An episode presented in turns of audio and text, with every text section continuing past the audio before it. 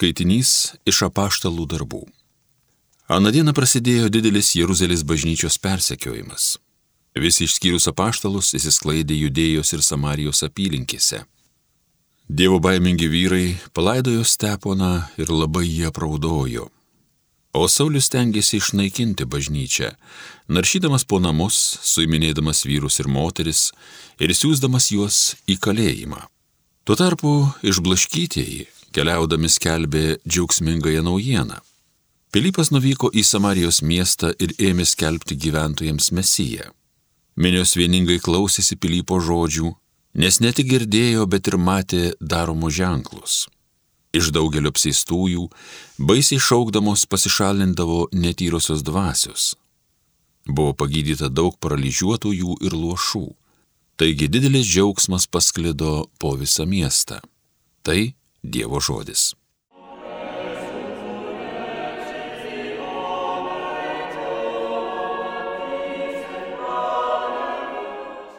Visi pasaulio kraštai sveikinkit Dievą. Visi pasaulio kraštai sveikinkit Dievą, apie jo vardo didybę gėdokit, iškilmingai teikit jam šlovę. Jūs Dievui kartokit, o kokie tavo darbai stebuklingi. Visi pasaulio kraštai sveikinkit Dievą. Tesilenkite gėdą tau visą žemę, te garsina tavo į vardą. Eikit ir žvelkit į Dievo darbus, kiek nuostabiausių dalykų žmonėms jis padarė. Visi pasaulio kraštai sveikinkit Dievą. Sausumą paverti jūrą, pervedi pėščius per upę, žavėtis juo turim. Per amžius galingai jis viešpatauja. Visi pasaulio kraštai sveikinkit Dievą.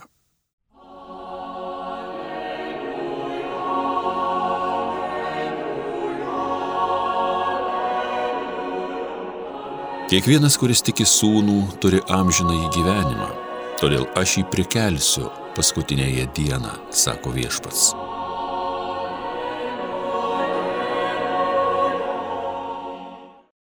Viešpats su jumis iš Evangelijos pagal šventąjį paštalą Jūną. Jėzus kalbėjo miniai, aš esu gyvenimo duona. Kas ateina pas mane, niekuomet nebealks ir kas tiki mane, niekuomet nebetrokš. Bet aš jums jau sakiau, jūs mane regėjote ir netikite. Visi, kuriuos man duoda tėvas, ateis pas mane ir ateinančio pas mane aš neatstumsiu. Aš nužengiau iš dangaus vykdyti ne savo valios, bet valios to, kuris mane siuntė.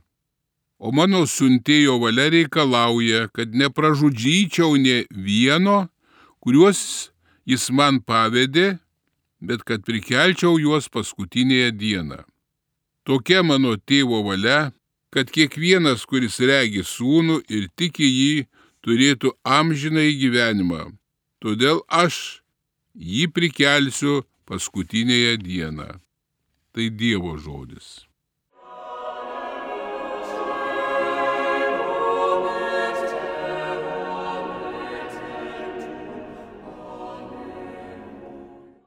Mėly ir brangus, Kiekviena dovana yra vertinama, kai ją gauname nuoširdžiai. Dovana gali turėti materialinę vertę, kartais ir labai kuklę, tačiau ji daug svaresnė, kuri turi dvasinę vertę. Galima pasakyti, kad tokia dovana turi savo sielą savo dvasinę gelmę. Tuo savo gyliu ji pasiekia pačią žmogaus sielą, kalba į širdį, pažadina, pripildo džiaugsmo ir pačius skatina daryti gerą kitiems. Geras žmogus, turintis daug gėrio, linkinčio kitiems, natūraliai stengiasi tapti dar geresniu. Už širdį mokama gyvenime širdimi. taip viskas vyksta tik tai žmogiškame pasaulyje. Kaip tik visa tai mums ir primena, kad esame skolingi labai daugeliui žmonių. O dabar pažvelkime į Dievo dovanas. Jų visi juk be išimties esame Dievo skolininkai. Jok jo esame labai mylimi ir apdovanoti. Jau pirmajame žmogaus sukūrime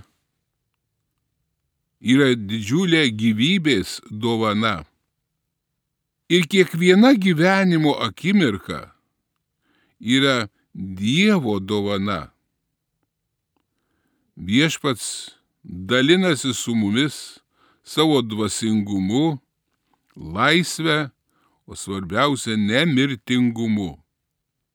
Jis su mumis pastoviai dalinasi savo įvairiomis malonėmis. Jis net kviečia mus bičiulystai ir mums pažadėjo visiems amžinai gyvenimą. O kokį nedėkingumą viešpačiui parodė pirmoji žmonių bendruomenė. Ji pasipriešino šventai viešpaties valiai. Ir štai atėjo į žmoniją Jėzus Kristus. Ne su kuo kitu, bet su naujomis, dar didesnėmis dovanomis.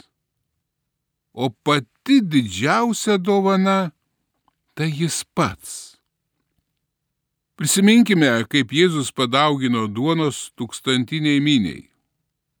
Ir kaip jis pats pasakė miniai, aš esu gyvoji duona. Todėl tas toks neįprastumas, pasakytume, turi kaip tik dar gilesnę prasme. Duonos ženkle Jėzus uždarė savo kančią, mirtį ir prisikėlimą, patį didįjį atpirkimo darbą. Ta šventa duona dangiškoji turi savyje gyvą Dievą. Dievą, kuris pamirždamas mūsų silpnybės neištikimybės, gydantis mūsų sielo žaizdas, kurias mes padarome ar padarėme savo nuodėmėmis. Sename testamente žmonės aukoja Dievui įvairiausias aukas, gyvulių, visokių vaisių ir panašiai. Ir per tai jie norėjo, kaip tik tikėdami nusiplauti savo nuodėmės. Tačiau Kristus laisvai, iš meilės savo tėvui ir iš meilės žmogui prisijėmė tokią didžiulę auką. Ir štai atsitiko ne kas kita, kad pats nusidėlis savo nuodėmėmis tai išaukė. Žmogus atmetė pačią brangiausią jam duotą dovaną, patį Dievo sūnų. Žmogus nežinojo, kad tas įvykęs istorinis įvykis taps didžiuoju palaimos šaltiniu visai žmonijai iki pasaulio pabaigos. Nes pats Kristus pasakė, aš esu su jumis iki pasaulio pabaigos. Ir šiai didžiai paslapčiai, kaip tik mes nusilenkėme Jėzui Eucharistijoje. Duonoje Jėzus įsikūnijo save ir kaip aukotojas, ir kaip auka. Tais Dievo gailestingumo vaisiais mes galime gauti labai daug dovanų. Ir ne iš ko kito, o iš paties Jėzaus. Ir mes tai gauname, jeigu to norime per visą savo gyvenimą. Todėl paniekinti tą Jėzaus dovaną tai tarsi iš naujo nukryžiuoti Kristų arba išmesti jį iš vis iš savo gyvenimo. Eucharistijos paslaptyje matome, kaip Dievas pamilo pasaulį, kad savo vienatinį sūnų atidavė, kad kuris jį tiki, nepražūtų, bet turėtų amžiną į gyvenimą, kaip sako evangelistas Jonas. Štai kaip neišmatuojamai žmogaus protui Dievas pamilo nupuolusi žmogų ir tuo pačiu neįskiriant ir mus kiekvieną. Šiandien mes susitinkame daug žmonių, kurie turi ir protą, ir laisvą valią, ir širdį. Bet toks retorinis klausimas, o dar yra kokia kategorija žmonių? Žmonija juk amžiais alksta. Štai kodėl vieni žmonės atrodo visais būdais veržiasi prie Kristaus, jo ieško, o kiti tolsta. Kodėl pasaulyje dabar išvystytas toks didžiulis net katalikiškas veikimas, kiek visokiausių katalikiškų organizacijų. Daug žmonių ir toliau alksta o dalis tolsta nuo Kristaus. Duonos, duonos, tas amžinas žmonijos šauksmas, pasaulio duona, tai pataikavimas žmogaus prigimčiai, tai žmogaus sotumas ir tas begalinis hedonizmas. O tikroji duona tai nužengusi iš dangaus Eucharistijoje Jėzus pasidalina meilę ir pačiu savimi su mumis. Kaip su bendraminčiais draugais mums gera pabendrauti, prie krikščioniško stalo, pasidalinti savo mintimis, švęsti švenčias. Gera žmogui pasidalinti kartais net paskutinių kasnių kada jį ištinka mano artimą kokį nors skaudinę laimę, bėdą. Tad ar galima mylėti savęs neatsižadant? Todėl, kad nepristiktume asmeniškai ir kiekvienas tos duonos, Kristus kaip tik ir įsteigė kunigystę. Pasaulyje atsirado tabernakuliai, atsirado šventovės, Tai netušti namai, ne muziejai, bet šventovės, kuriuose gyvena Dievas. Pasaulyje atsirado pastovi Kristaus auka su žmonėmis, ypatinga artuma. Štai kodėl mes kiekvienas apie tai mąstydami, o ypač Eucharistinėje tokioje meilėje, kada mes ateiname doruoti, susikaupti prie jo, mes susivienijame su Kristumi. Jam priklausome, su juo norime gyventi, su juo norime mylėti, su juo norime tarnauti, su juo norime atleisti, su juo norime amžinai gyventi. Už tą begalinę meilę Kristui. Vienintelis mūsų žmogiškas atsilyginimas - tai taip pat meilė Dievui ir artimui.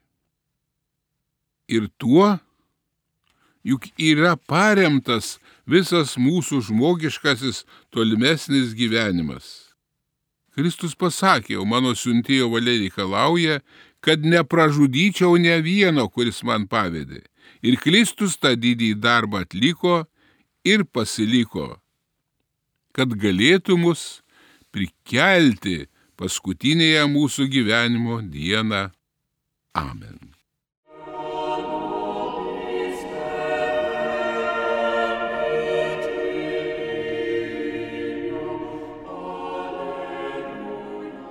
Homilija sakė profesorius, habilituotas teologijos mokslų daktaras, prelatas Vytautas Steponas Vaičiūnas.